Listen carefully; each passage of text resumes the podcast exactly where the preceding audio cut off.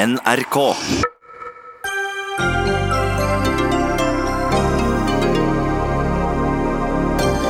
Equinor vil kutte utslipp hele veien fra produksjon til forbruker, og lover satsing på fornybar energi.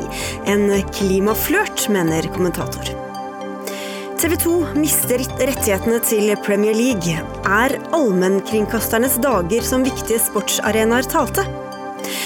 Er skoleuniformer løsninger på kropps- og merkepress? Nei, en gammeldags løsning som ikke løser særlig mye, mener Høyre.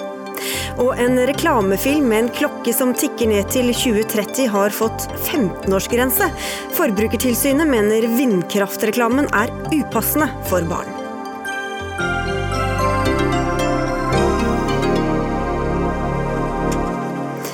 Mens Dagsnytt 18 passer for alle aldre. I studio i dag, Sigrid Solund. Equinor vil satse på fornybar energi og kutte utslipp altså hele veien fra produksjon til forbruk. Det kom fram på en resultatframleggelse i London i dag, og dette har skaffet dere overskrifter. Bjørn Otto Sverdrup, du er bærekraftsdirektør i Equinor. Men hva konkret er det som ligger i planene deres? Ja, I dag har vi lagt frem eh, planer for mange ting. Altså Først og fremst la vi en resultat som viste at vi er et solid og lønnsomt selskap. Men så også på klimaområdet så la vi frem et, eh, nytt, nye planer for eh, både hvordan vi skal redusere egne utslipp, men òg sterk vekst i fornybar. Og så gjorde vi noe spennende som sier at over tid kommer egentlig sammensetninga av Equinor til å endre seg, fordi vi kommer til å både levere energi, men også hjelpe å skape løsninger for land og industriselskap internasjonalt til å redusere sine klimaproblemer. Altså, Hva er over tid, og hva går de løsningene ut på? Ja, det vi har sagt er at eh, Over tid vil karboninnholdet i vår energi for vi produserer, halveres innen 2050.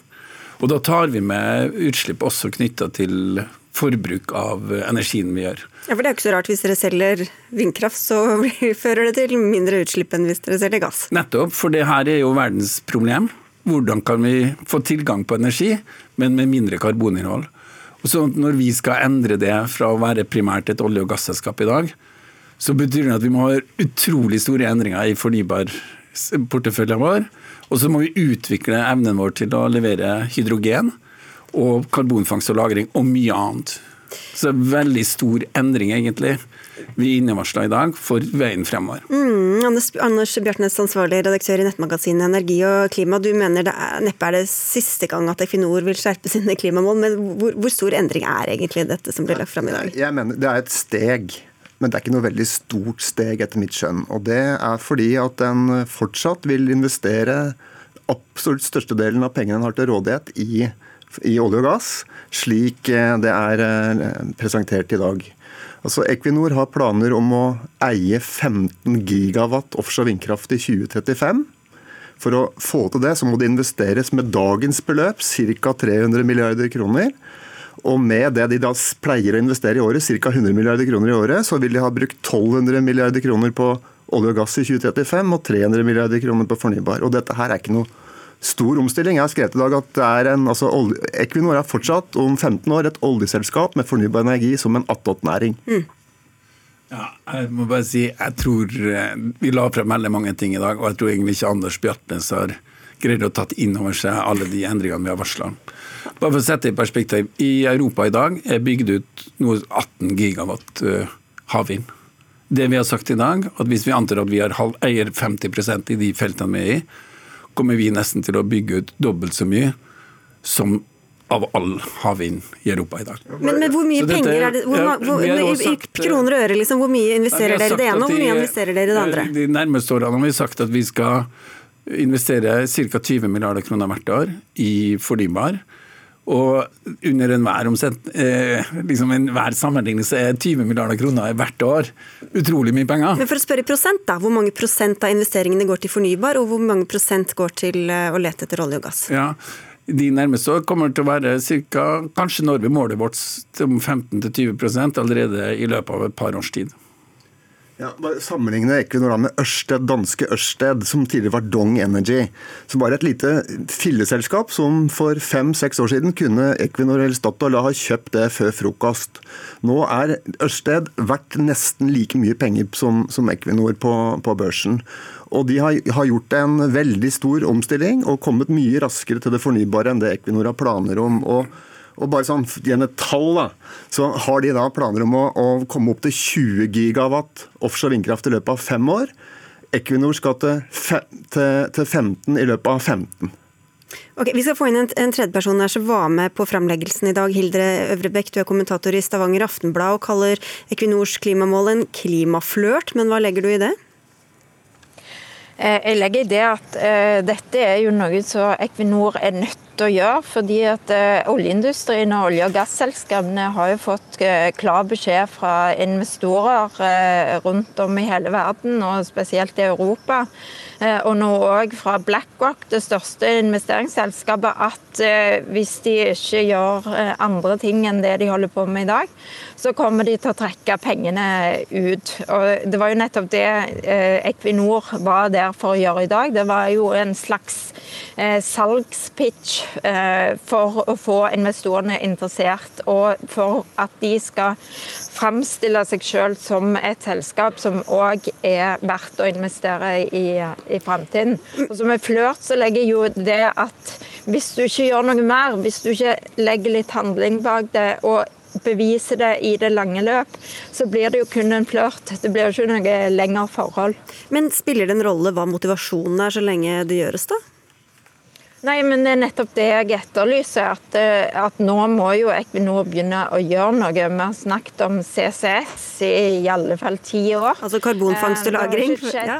ja, eh, og der har det ikke skjedd veldig mye i det hele tatt.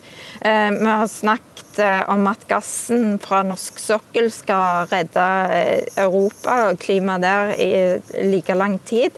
Eh, men vi er fortsatt på det samme sporet. Så Oljeindustrien har en tendens til å bruke eh, retorikk, til å bruke fine ord for å selge seg selv inn. Eh, og jeg, jeg håper jo at, at, det kan bli sånn at faktisk det blir handling. Mm. Men det er det jeg etterlyser, at det faktisk skjer noe framover. Ja, du snakker om mål og ambisjoner, Sverdrup, men hvor, hvor bindende er dette her egentlig? Ja, det vil jeg gjerne si. fordi Når man bruker ord som flørt, så tenker man at det er noe som er flyktig.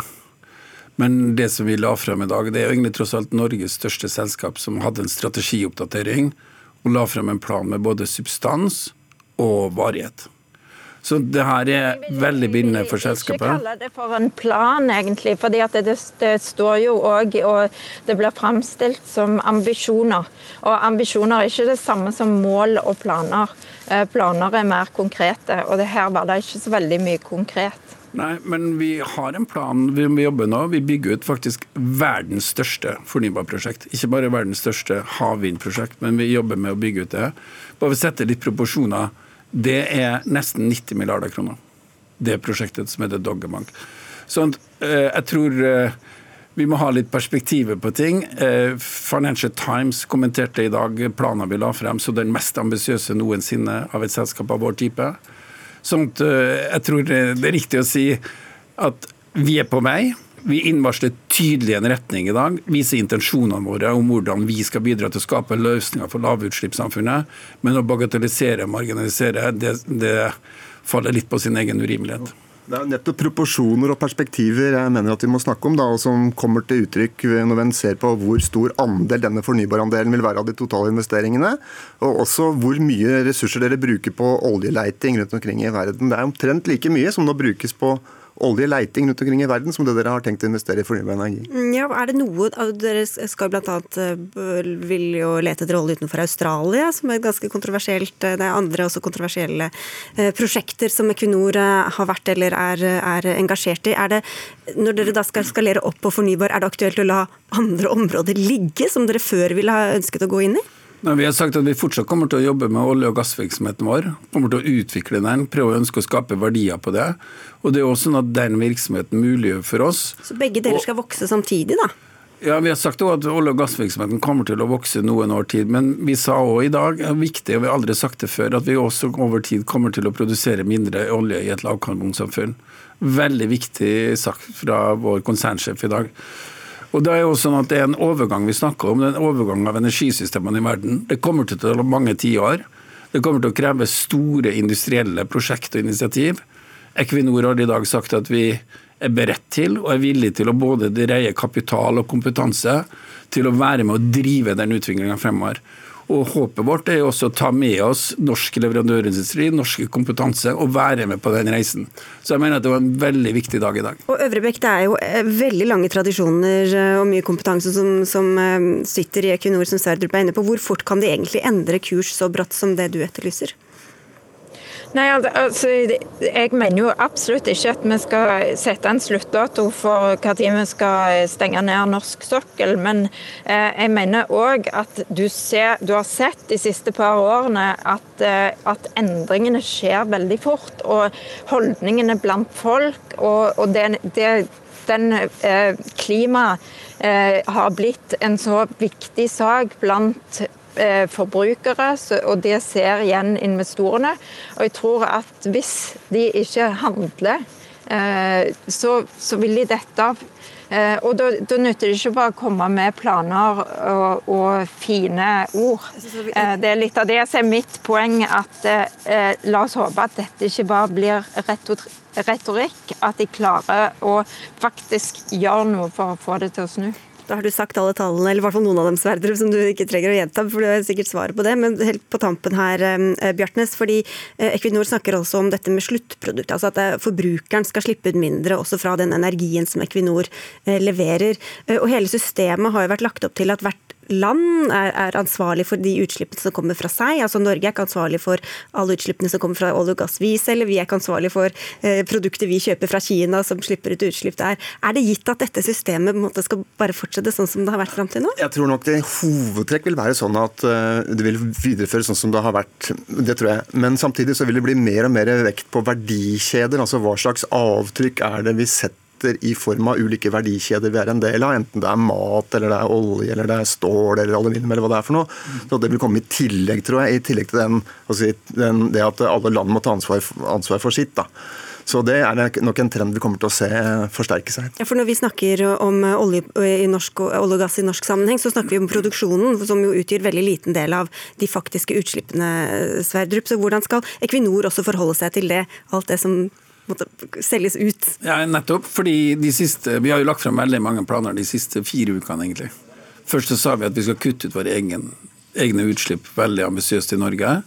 Og vi da sa at vi prøver å nøytralisere de allerede i 2030. Så når det gjelder vår egen bruk av fossil energi, så har vi en veldig aggressiv plan for å kutte det.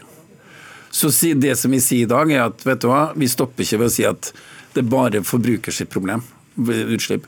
Men vi sier vi skal også hjelpe til at eh, andre kan få lov til å få hjelp til å redusere sine utslipp raskere. Da. Men ikke en så aggressiv plan på det området? Nei, men det her vil jo avhenge av om flyene greier å fly på noe annet enn bensin. Om varme i hus og lys kommer til å endre seg. Så Det er en samfunnsmessig omstilling som sier at vi er beredt, og vi skal være, gjøre vår del, og vi skal gjøre det raskt. Og Jeg er helt enig med det Hilde sier. La oss passe på at ikke dette blir ord, men handling. Og det er helt trygg på at alle kollegaene våre kommer til å drive med. Ja, bare helt ut i, 30 sekunder. Vi kommer til å få en stor samfunnsdebatt framover om eh, Equinors rolle og plass, og om det er riktig at staten eier så mye som det gjør, og om vi skal skal finne på en måte som gjør at eh, det selskapet omstiller seg raskere enn det ligger an til nå. Og jeg vet om et sted hvor den debatten skal foregå. Takk skal dere ha alle sammen. Bjørn Otto Sverdrup, bærekraftdirektør i Equinor, Hilde Øvrebekk, eh, som er kommentator i Stavanger Aftenblad, og Anders Bjartnes eh, fra Energi og klima.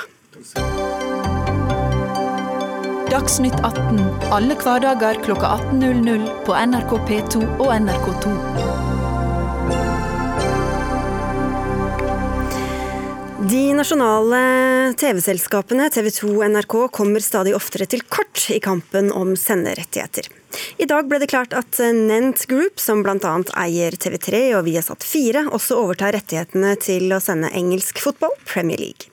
Nent har også rettighetene til håndball og deler av vintersporten. Det amerikanske fjernsynsnettverket Discovery, som eier bl.a. Eurosport, har tidligere kjøpt OL og norsk fotball. Ja, og lista er blitt lang etter hvert. Olav T. Sandnes, du er konsernsjef og sjefredaktør i TV 2. En æra er over for TV 2, ble det sagt i dag. Hva slags tap blir dette for dere? Jeg, jeg, har vært opptatt i dag å si at selvfølgelig er eh, Premier League en viktig rettighet for oss. Vi har utviklet den i ti år, slik vi en gang gjorde med norsk fotball, og som vi fortsatt gjør med f.eks. Tour de France. Og, eh, og skulle, vi skulle gjerne forlenget den rettigheten. Men samtidig så er det ikke en æra som er over. Eh, det er sånn i den verden her at sportsrettigheter de flytter seg med jevne mellomrom. Og siden vi mista f.eks. håndball, som du nevnte, så har vi skaffet eh, landslaget i fotball tilbake til TV 2. Vi har skaffet eh, deler av Champions League, hele Europaligaen, La Liga i Spania, deler av den og Hvorfor sitter vi her, begynner jeg å lure på. Ja, så jeg tenker at altså, det, er, det, er, viktig å ikke miste selvtilliten, men eh, jeg tror vi skal kunne bite godt fra oss framover også, jeg. Altså. Hvor mye penger var dere villige til å legge på bordet, da? Vi, altså Premier League var en veldig dyr rettighet, og nå er det en enda dyrere rettighet. Den gikk for eh, priser nå som gjorde at jeg eh, nok måtte komme tilbake til TV 2 og reduserte ambisjonene våre på andre redaksjonelle områder. Og Derfor så mente vi at vi ikke kunne gå så langt som noen andre var villige til å betale denne gangen. Ja, For det er ingen som snakker åpent om disse summene. Men eh, Leif Welhaven, du er sportskommentator i VG, og du skriver i dag at nå blir TV 2 stilt overfor ett eller flere sikkert dilemmaer de neste par årene. Hva tenker du på da? Ja, TV 2 eh, har jo bygd opp eh, veldig mye av eh, identiteten sin knyttet til, å ha en indrefilet som Premier, Premier, League har vært. Og kommer nå en situasjon hvor man må, må omstille seg til en en ny situasjon. Premier League har helt sikkert også vært veldig viktig for den digitale oppbyggingen av Sumo.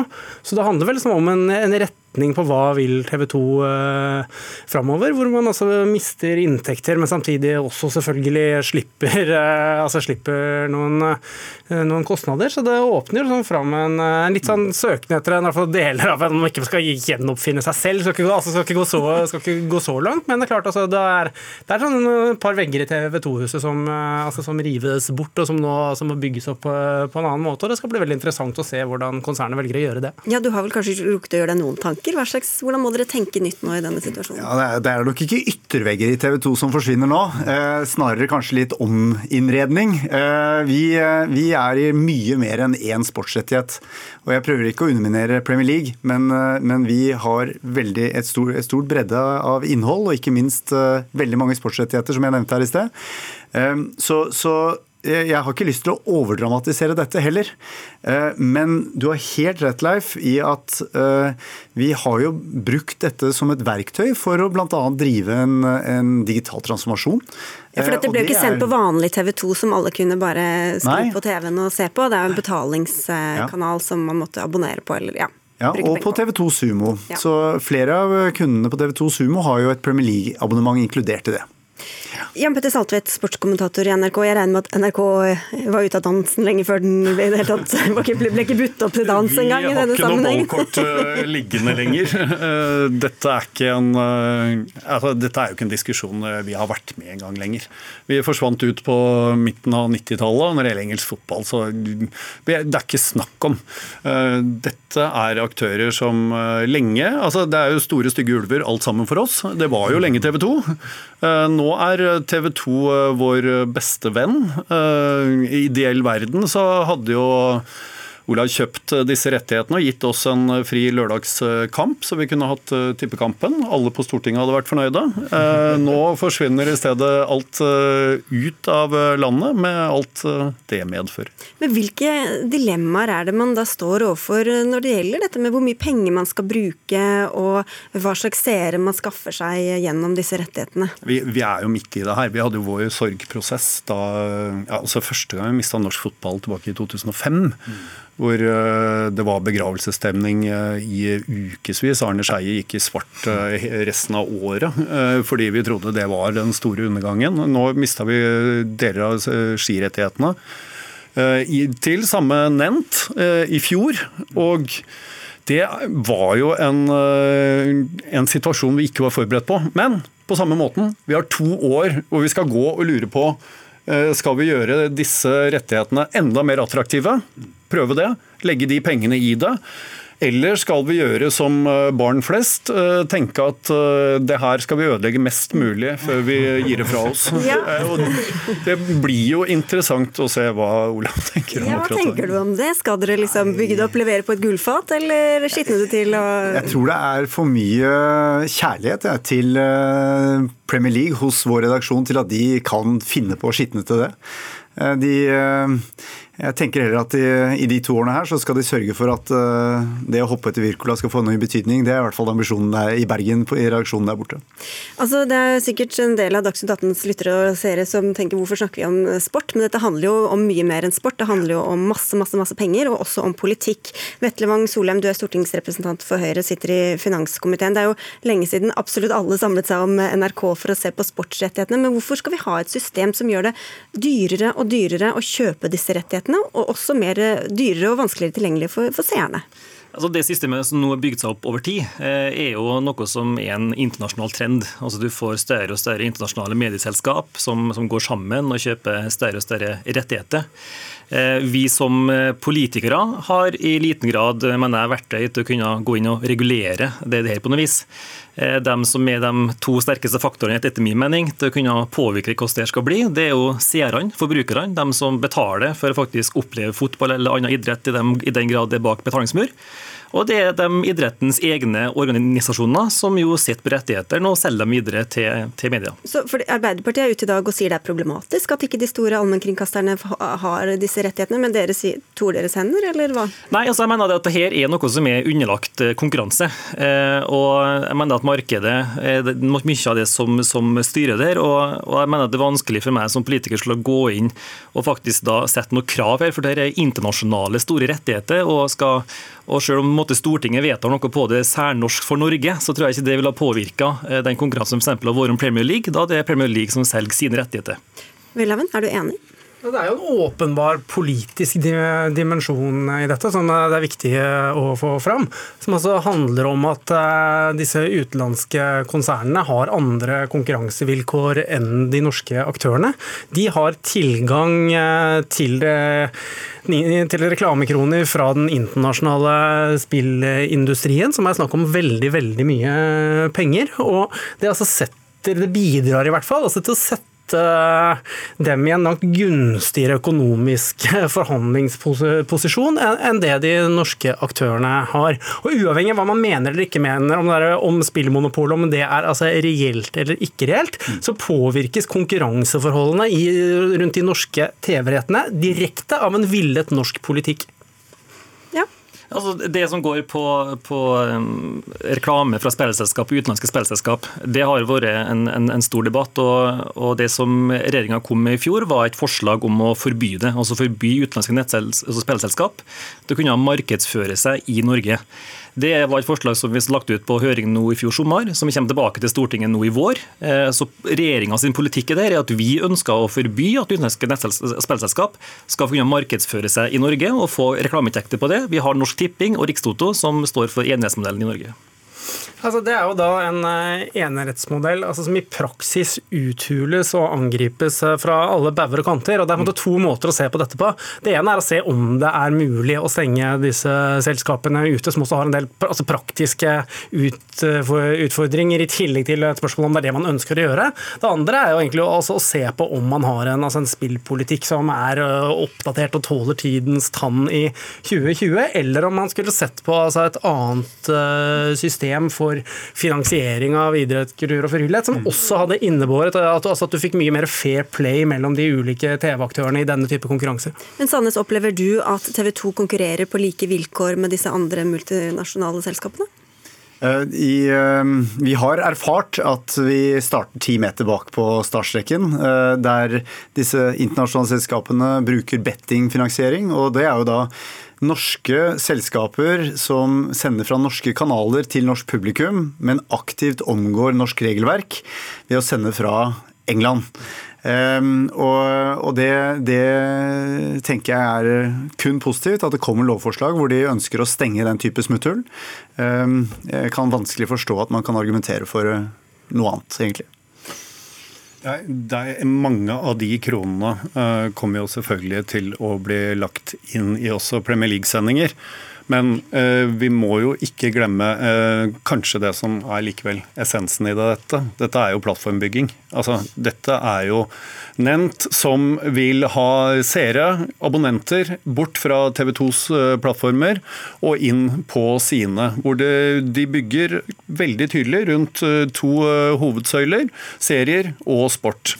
Og TV 2 har jo gjort den fabelaktige innsatsen etter de på det grusomste vis stakk av med rettighetene fra oss. Ja, Det var veldig eh, frekt, var det ikke det? Ja, akkurat det der har vi ikke diskutert nok.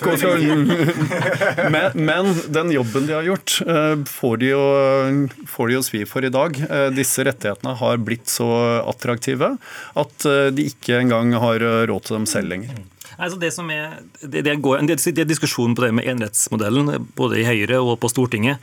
Sant? Du har mange utenlandske aktører på norsk jord, uten at vi kan regulere det. Sant?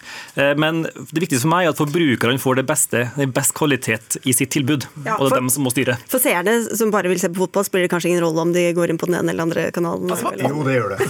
altså, på, på, kort sikt så tror jeg at en del kommer til å savne TV 2 og Premier League-kombinasjonen, fordi de faktisk har skapt et helt utmerket produkt. På litt lengre sikt tror jeg det er ganske likegyldig for for uh, seerne hvem det er som viser uh, de ulike evenementene. Og Vestsøyer, altså overgangen hva gjelder håndball fra TV 2 til uh, TV 3, har faktisk gått riktig så bra rent kvalitativt. Så. Ok, Og Dagsnytt 18 er ikke til salgs, det kan vi bare si. Takk skal dere Takk skal dere ha, i hvert fall alle sammen. Olav T. Sandnes fra TV 2, Vetle Wang Solem fra Høyre, Leif Welhaven fra VG og Jan Petter Saltvedt fra NRK.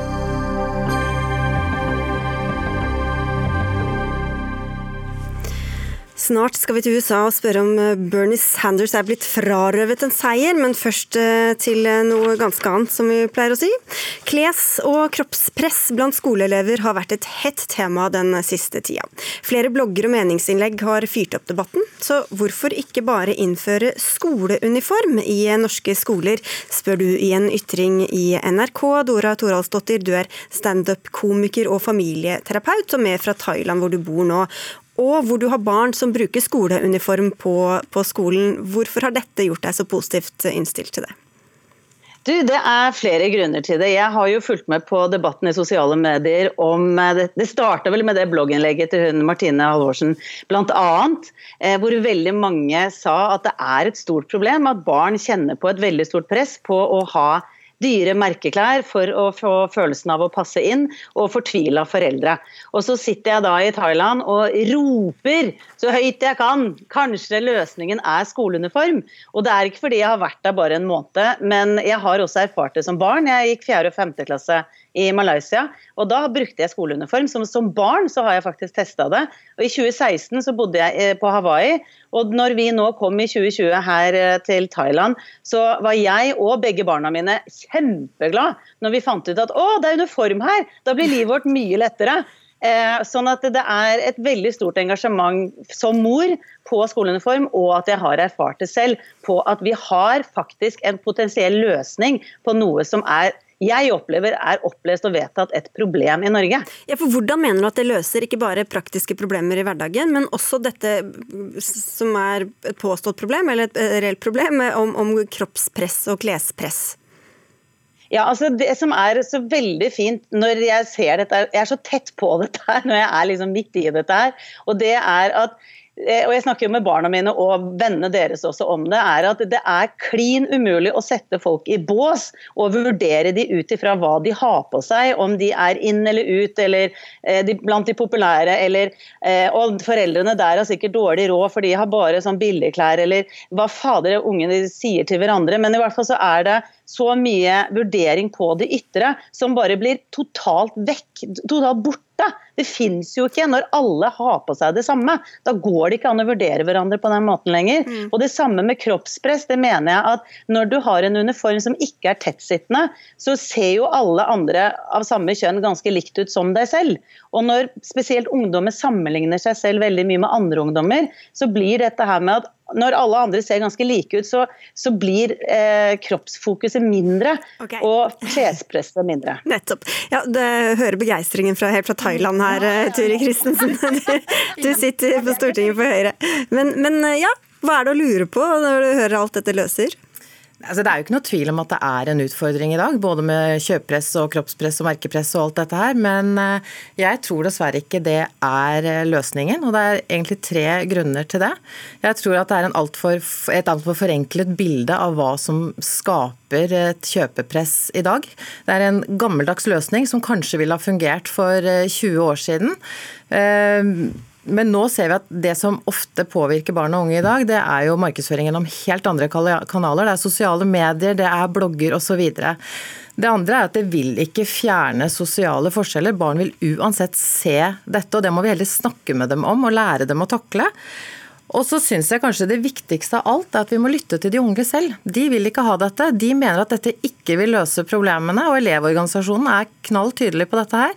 Det er et problem, men vi må heller finne andre måter å løse det på. Men jeg skal innrømme at som mor og som politiker så har jeg vært i tvil mange ganger. Og jeg har tenkt kanskje kan dette løse utfordringene. Men selv om ikke det løser til de to første mm. punktene, hvis ikke det løser alt, så, så, trenger, så er det ikke noe vits i, liksom? Eller det Nei, og det mener jeg ikke. fordi Man kan ikke forvente at ett tiltak skal løse alle problemene. Eh, men jeg mener at hvis man skal gå til såpass sterkt inngripen i folks muligheter til å velge selv og til å frihet til å bestemme hva de skal ha på seg, så må det løse mer av problemet enn det gjør i dag. Men som sagt så har jeg vært i tvil, men jeg har landet på at det ikke er det. Nettopp fordi at eh, det vil løse for lite av problemene. Ungdommen utsettes for dette på så mange arenaer. så Som en kollega av meg sa, dette er som å forsøke å slukke en brann med å bruke en flaske med, med drikkevann kommer jo på brannen, det om den blir slukket eller ikke. Ja, altså Barn er jo like forskjellige som oss voksne. Hvorfor skal vi da frata dem muligheten til å uttrykke sin stil og personlighet også gjennom klærne de går med? Jeg tenker jo at Vi har jo mange yrkesgrupper som faktisk også bruker uniform hver dag. Og det, Jeg har i hvert fall aldri hørt om en sykepleier eller politimann eller eh, politikvinne som klager over at de mister hele sin personlighet ved å ha på seg uniform.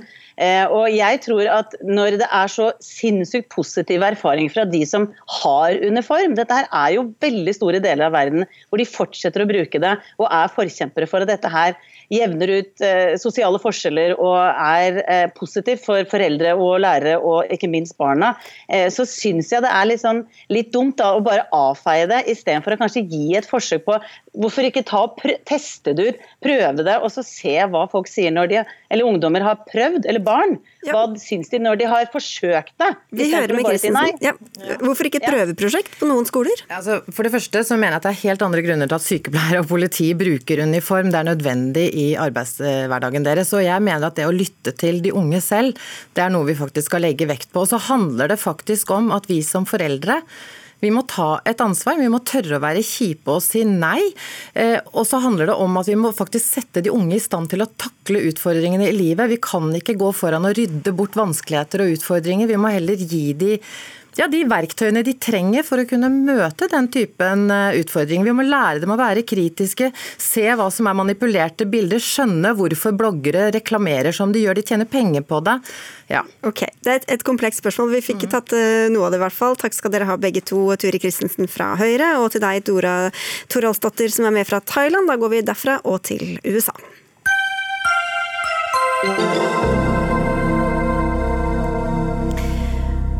For det skal straks handle om demokratenes presidentkandidatvalg i USA, men president Donald Trump har akkurat nå holdt en pressekonferanse hvor han kommenterte gårsdagens frifinnelse i riksrettssaken mot ham, Anders Magnus. Du er korrespondent og på plass. Hva sier, hva sier Trump? Han er jo midt i denne talen sin, og jeg tror den kommer til å bli lang. Fordi han klager veldig mye over hvor urettferdig han har blitt behandlet. Og dette er jo hans yndlingstema. Han er ikke kommet lenger enn til Møller-rapporten enda.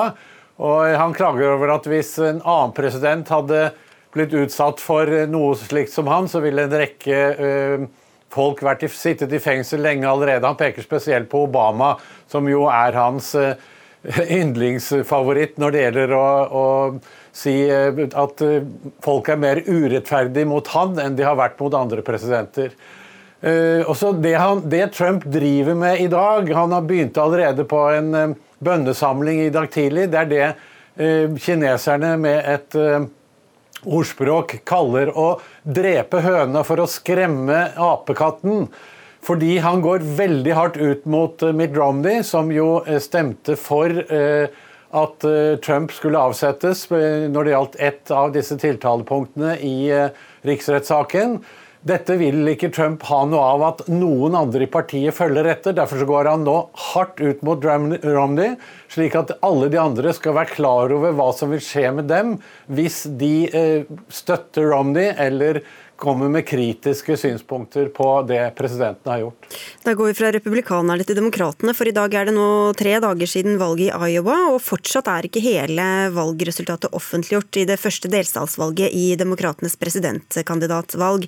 Bernie Sanders leder i absolutte stemmetall, mens Sanders og Pete Buttigieg leder, led, deler ledelsen i mandatfordeling, og på Twitter så raser tilhengere av Bernie Sanders, som altså mener at han har blitt frarøvet valgseieren. og hvorfor Hvorfor er de så sinte, Anders Magnus?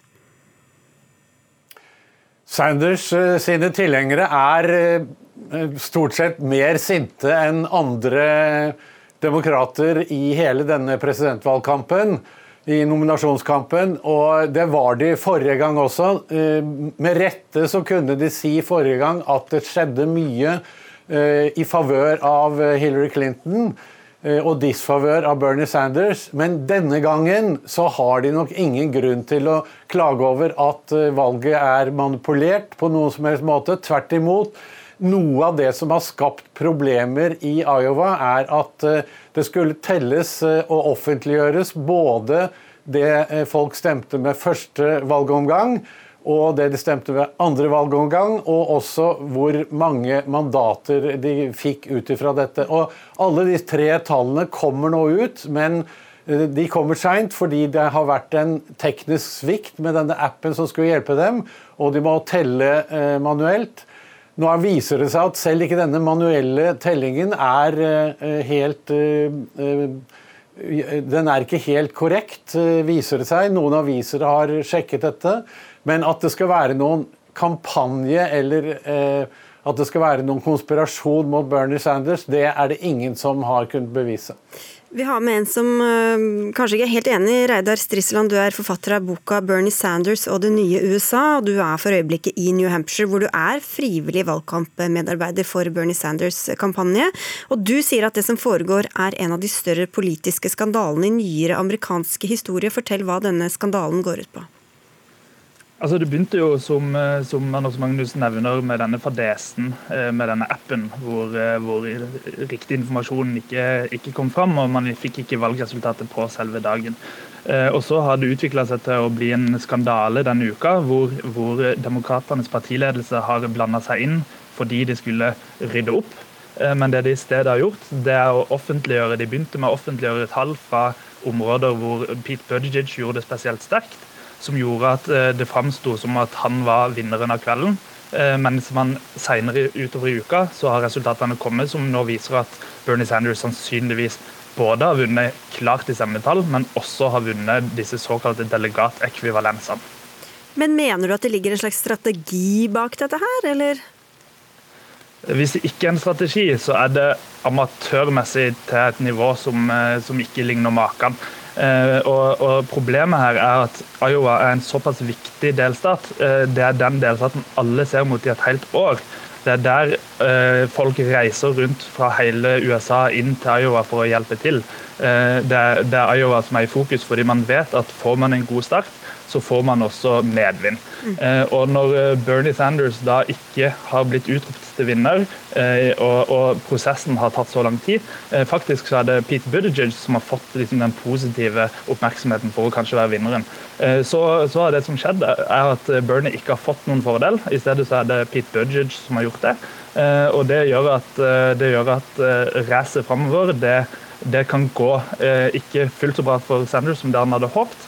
Likevel så er han faktisk nå favoritt, men, men det har ikke vært det man har sett når man har lest overskriftene.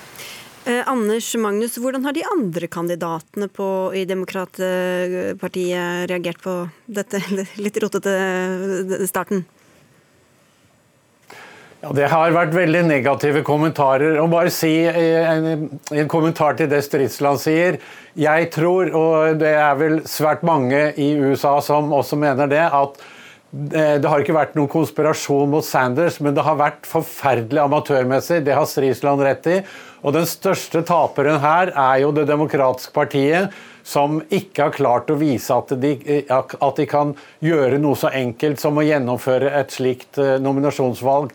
Når det er sagt, så er den eh, Hvis Sanders er en av taperne her, så er jo absolutt Pete Buttigieg også en av taperne, fordi eh, han eh, kunne kommet ut som eh, en av seierherrene. Kanskje han og Sanders ville delt eh, eh, førsteplassen hvis man hadde klart å fått dette ut på dag én. Eh, og det ville gitt eh, også Buttigieg en mye større momentum i den videre valgkampen enn han har fått nå. Så det er to tapere på toppen her. Det er Sanders og det er Buttigieg. Eh, og også Det demokratiske partiet. Og Den store vinneren er selvfølgelig republikanerne og Donald Trump, som kan føye dette til en av sine mange seire. Nå er han nettopp blitt frikjent i riksrettssaken. Og han kan peke på hvor elendige hans motstandere er, som ikke engang klarer å gjennomføre et valg. Hvordan skal de da klare å styre et land? Ja, Da kan man jo spørre seg Strisland, hvor hensiktsmessig det er for demokratene å drive og, og, pirke på det her um, i flere dager nå? Men det er ikke pirking. Altså, de som støtter Bernie Sanders, han har eh, flere millioner som har donert penger til kampanjen hans. Mange av de, de har veldig veldig dårlig råd, men syns det er så viktig at han skal vinne, fordi de har troa på at han skal gjøre livene deres bedre. Eh, og, så de ofrer 5 eller 10 eller 15 dollar, selv om de egentlig ikke har noen ting. Og så viser det seg nå at eh, det kommer en rotete prosess som ikke gir han eh, en seier han fortjener. Og Det er ikke helt riktig at Pete Buttigieg også er en taper. Han har gått fram på alle målinger. Han har gått fram i New Hampshire. Han er i tydelig medvind fordi historien er at han lyktes i Iowa. Eh, mens, mens, Bernie Sanders på den andre sida ikke har det. Så det er, det er ikke riktig at begge to er tapere. Vi tar med på tampen her at lederen for Demokratiske partiet, Tom Paris, nettopp gikk ut på Twitter og oppfordret partiet i Iowa til å gå gjennom alle stemmene der fra, fra på nytt, for å sikre et riktig resultat. Tusen takk skal du ha, Reidar Strisland, for at du var med, forfatter av boka 'Bernie Sanders og det nye USA', og takk til deg, Anders Magnus. Hør Dagsnytt 18 når du vil. Radio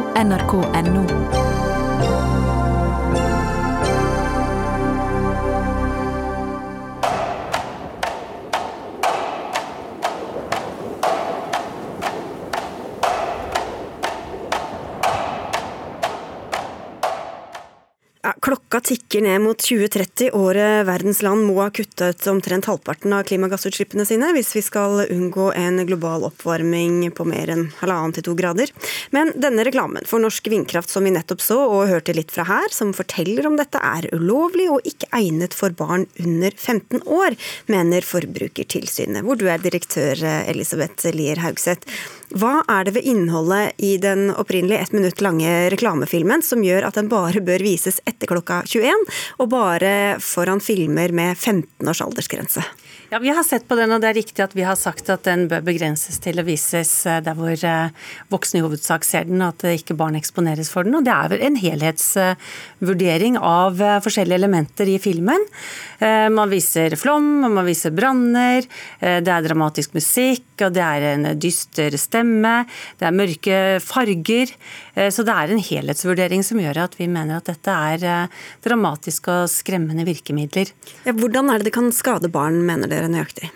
Altså det er, eh, Markedsføringsloven har bestemmelser som sier at barn ikke skal eksponeres for reklame som eh, kan ha skremmende virkning og virkemidler.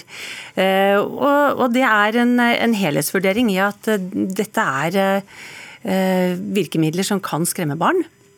Sindre Beyer, daglig leder for Try Råd, som altså produserte denne reklamefilmen for norsk vind. For det var jo en vindkraftreklame, dette her. Hvorfor har dere brukt så skremmende virkemidler? Fordi klimaendringer er ganske skremmende. Og det er eh, når vi da skal dramatisere flom, tørke, den type virkemidler, som jeg har grundig dokumentert i FN-rapporter, at det kommer til å være konsekvensen av klimaendringer, så er det vanskelig å gjøre det spesielt mye mykere enn det vi gjorde i filmen. Og Vi spurte også Forbrukertilsynet da de innkalte oss til møte, om de kunne være konkrete på hva vi faktisk måtte endre på de scenene som handler om endringer av klima. Og Hva fikk dere til svar? At det ville de ikke gå inn på, fordi de ville vurdere det ut fra en helhetsvurdering. Og For oss er det vanskelig å forstå at dette er en, en reklamefilm som ikke kan vises på dette tidspunktet, eller vises foran Star Wars-filmen, eller den type ting. Og det, jeg mener det å ilegge sensur på den type eh, filmer krever en større prinsipiell debatt enn at man bare sier 'dette er ikke lov'. Ja, men det er, det er, jo ikke helt riktig. Altså for det første så har ikke vi sagt at denne kampanjen ikke kan vises i det hele tatt. og Det vi var i dialog med dere om, var tidspunktet den skulle vises. Det er altså ikke slik at det ikke er tillatt å eh, framstille eh, klimaendringene og fortelle om de.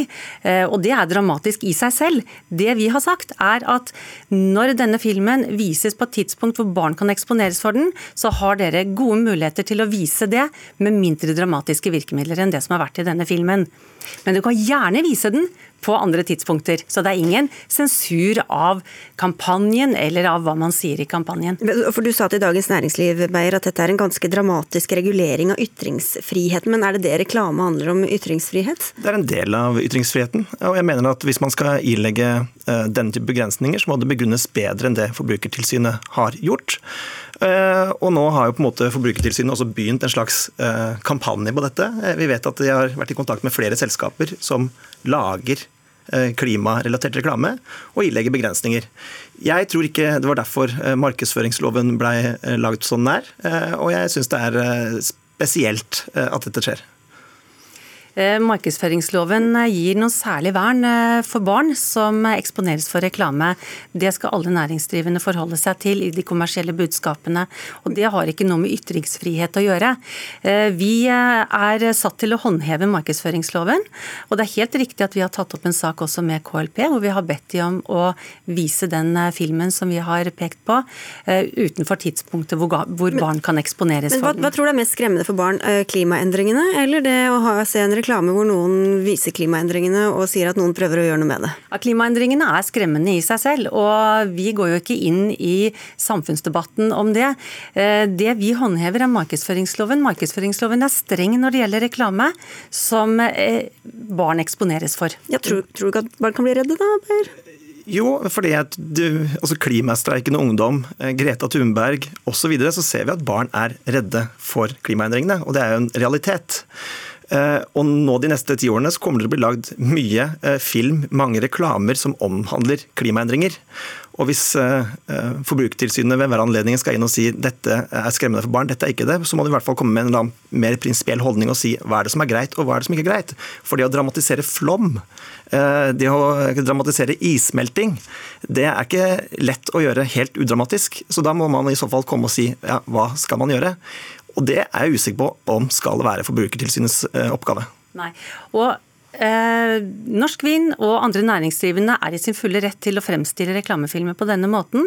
Det vi har sagt er at det er tidspunktet når de vises som er ankepunktet her, og at man må begrense tiden når det vises. Men du kan altså se en ganske skummel film, 'Tunnelen', du nevnte Star Wars, hvor, hvor, som har lavere aldersgrense enn en reklamefilm som handler om vindkraft?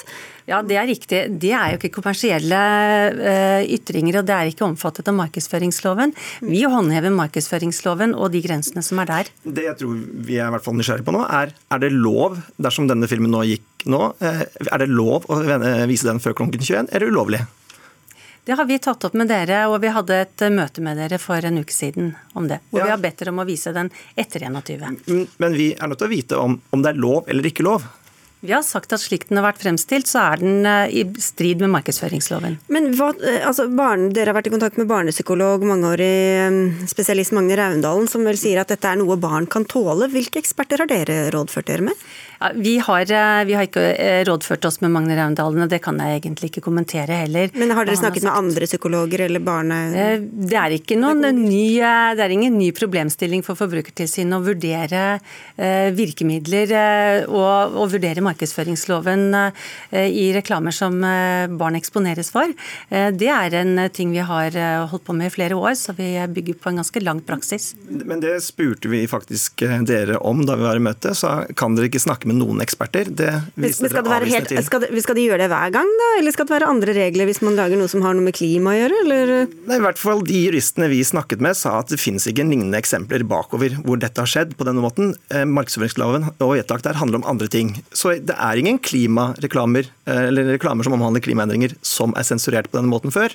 Og jeg tror veldig mange aktører nå som skal lage filmer om klimaendringer, lurer på hvordan skal vi forholde oss til dette. Og da, og da tror du eller dere at de har vært, eh, latt seg presse også av kampanjer eller pressgrupper og klager? Ja, Det var i hvert fall i den retningen Forbrukertilsynet uttalte seg i mediene. og Det ble satt i gang en stor aksjon på Facebook for å klage oss inn til Forbrukertilsynet. Eh, og Så ble jo da eh, denne kampanjen klaget inn først. og Når det da ble stilt spørsmål med prosessen, så skyndte man seg å klage og sendte brev til flere aktører. Eh, nei, det, det, medfører ikke riktighet. For det første så har vi ikke latt oss eh, påvirke av kampanjer. Vi vurderer eh, hver sak individuelt, og vi tar en selvstendig vurdering av hvilke saker vi går inn i. Og at det var mange, her, mange saker her, det, det, har ikke vært avgjørende, i hvert fall ikke påvirket av en kampanje. Vi skyndte oss heller ikke å ta opp denne saken med KLP. Den så vi før denne saken kom ut i media.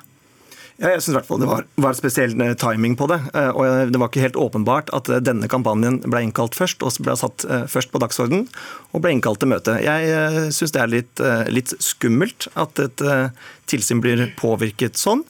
Og vi etterlyser, jeg tror alle som lager film eller kommersielle reklamer, etterlyser nå klare føringer på hvordan vi skal da dramatisere flom, tørke og klimaendringer. Det kan vi godt ha en dialog om framover. Min oppgave er å håndheve markedsføringsloven. Den setter rammer.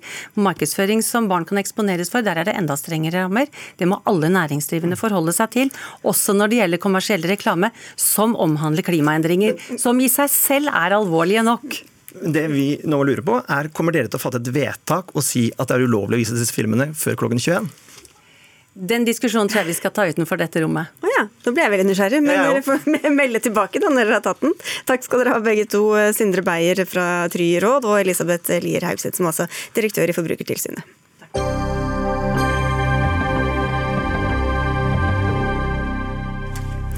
Offentlig sektor kjøper inn varer og tjenester for mer enn 500 milliarder kroner hvert år. Likevel er det ingen dedikert myndighet som har ansvar for å sikre om de forskjellige kommunale anbudsprosessene faktisk er lovlige. Og hva er det store problemet med dette, Fredrik Syvertsen? Du er direktør for strategi og forretningsutvikling i IKT Norge. Det store problemet er jo at vi får ikke de beste tjenestene til innbyggerne våre. Og at vi får ikke gjort gode nok innkjøp. Og vi har en ingen mulighet for å ta problemer til en høyere instans utenom KOFA, da, selvfølgelig, som er en organ som enkelte bruker, men svært få. Så det å få et tilsyn som kan eh, se på offentlige anskaffelser når du sier det er 500 milliarder kroner, så hvis du sparer en prosent, da, så er det 5 milliarder kroner hvis man gjør dette på en bedre måte. Så det burde jo være et regnestykke som enhver finansminister ville like, i hvert fall. Mm. Men har vi noen eksempler på at det ikke går helt riktig for seg, da? Vi har masse eksempler på, på, på offentlige innkjøp som ikke går etter eh, boka. så det det er ikke noe, De havner jo i KOFA, stort sett, mange av det. Hva er KOFA, tror jeg vi må bare forklare ja, Det er klageorganet for offentlige anskaffelser. ok, men, men, de har ikke noe sånn selvstendig eh, rett til å undersøke på egen hånd? Nei. Nei. Så hvorfor har vi ikke dette da, Iselin Nybø, du er altså ny næringsminister? Gratulerer, forresten. Ja, for, for, det første så er det jo det er jo ikke sånn i dag at det, det ikke er noen systemer for å ta opp, eh, ta opp avgjørelser som er, som er, feil. Altså, Domstolene er jo den vanlige måten man skal løse en tvist på. Sånn at Hvis du som næringsdrivende har eh, inngitt et anbud og ikke fått tilslag, men mener du er forbigått, så kan du jo ta det for, eh, for domstolene. Eller KOFA, som blir nevnt her. Vi har ESA. Ja, så Det er mange instanser i dag som du kan ta inn saken din for eh, hvis du mener du har blitt forbigått av en eller annen grunn. Ja, men, ja, hva, er det, hva, er det, dette tilsynet skal altså, gjøre som ikke de andre kan? Utfordringen er, som du sier, at 500 eh, milliarder kroner, det er, det er over halvparten av forretningslivet til mange, mange AS-er i Norge. Og det å klage inn sin største kunde, det er ikke noe man gjør lett, tar lett på.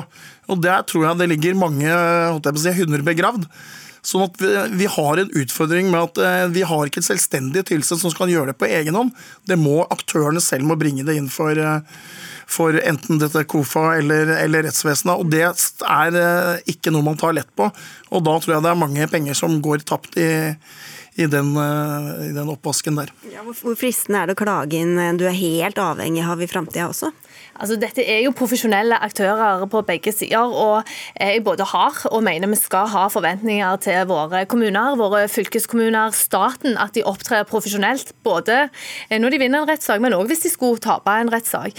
Men det er som det blir sagt her, det er altså anbud for 500 milliarder kroner i året. Det er skattebetalerne sine penger. Eh, vi har alle sammen et felles mål om at vi skal bruke de pengene på å få best mulig varer og tjenester til lavest mulig pris. Og da er det spørsmålet vi må stille oss, det er hvordan oppnår vi det best nå? Er svaret på det et tilsyn, eller kan svaret være andre ting? Og Da mener jo vi, eh, regjeringen, jeg, mener at eh, sånn som situasjonen er nå, så er det ikke vond vilje som er problemet. Det er manglende kompetanse.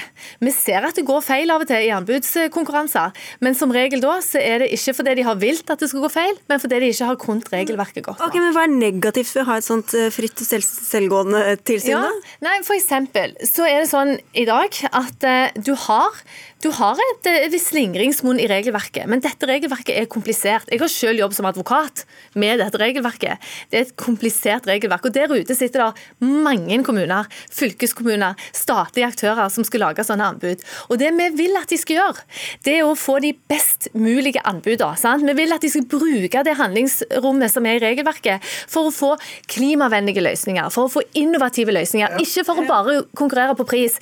Men hvis vi, hvis vi skal ha et tilsyn og legge all fokuset på det som handler om tilsyn, kontroll, straff, så oppnår vi gjerne ikke det at de tårer å prøve seg og, og utnytte det handlingsrommet. Da mener vi det er bedre å drive kompetanse, altså ja, bruke tid på kompetanse rett og slett, og gjøre de bedre. Ja, altså, Jeg er jo helt enig i det, men det ene øh, du unnslipper jo ikke det ene med det andre. Så det at vi skal ha kompetanse, selvfølgelig skal vi ha det. Men vi har jo tilsyn i andre sektorer, så det er jo en grunn til at vi har tilsyn. Og jeg tenker at den straff og det skal bli mye regler og det skal bli så vanskelig, det tror jeg ikke noe på. Eh, vi opplever at om det er Forbrukertilsynet, Datatilsynet eller ja, flere tilsyn, så har de like mye en, en veiledningsoppgave som de har en eh, forfølgelse og straff. Så jeg tror at Få et tilsyn, og vi har eh, lignende tilsyn i Sverige og Danmark som fungerer veldig bra. Så Det er en grunn til at andre naboland eh, syns det er bra. Og det er også veldig bra at vi har en konkurransedirektør som sorterer under deg, som også tar opp dette. Jeg tror ikke han gjør det bare for han mener at det er en vill idé som han fikk på et uh, Nachspiel? For eksempel. det kan jo høres litt ut som om du tror at hvis vi hadde tilsyn, så ville de oppdage så mye rart at, uh, at, vi har rett og slett ikke råd til å holde på med dette tilsynet, da. Nei, nei, det handler, om, det handler om hva som er utfordringen her og nå. Jeg avviser ikke at vi på et eller annet tidspunkt bør få et tilsyn, men nå har vi hatt uh, en behandling av dette. Nå har vi gjort andre tiltak som vi mener må få lov å virke først. Og jeg syns det er noe å ta inn over seg det der at uh, den største utfordringen vi ser, handler ikke om vond vilje. Det er ikke fordi man ønsker å utnytte regelverket for å snuske til seg et anbud. Det er at man mangler kompetanse på et må bare si det, et veldig komplisert regelverk. Ja, kan dere ikke gjøre reglene enklere, da, hvis det er så vanskelig å, å følge dem? Ja, vi må, vi må, sørge for at de som skal følge dem, har kompetanse på disse reglene. Og ikke bare kompetanse eh, i den grad at de kan sende ut et anbud og se hvem som er billigst, men i den grad at de faktisk kan utnytte handlingsrommet for å få de beste, de innovative, de klimavennlige løsningene. Mm. Vi er veldig enige med både de klimavennlige løsningene og de beste løsningene. Å kjøpe det beste og det billigste, det er det vi vil. Men vi ser jo at ikke det skjer. Eh, og ref klima og bærekraft, og, og så er ofte det siste liksom, leddet på anbudsdokumentet, og så skal det være bærekraft og klimanøytralt.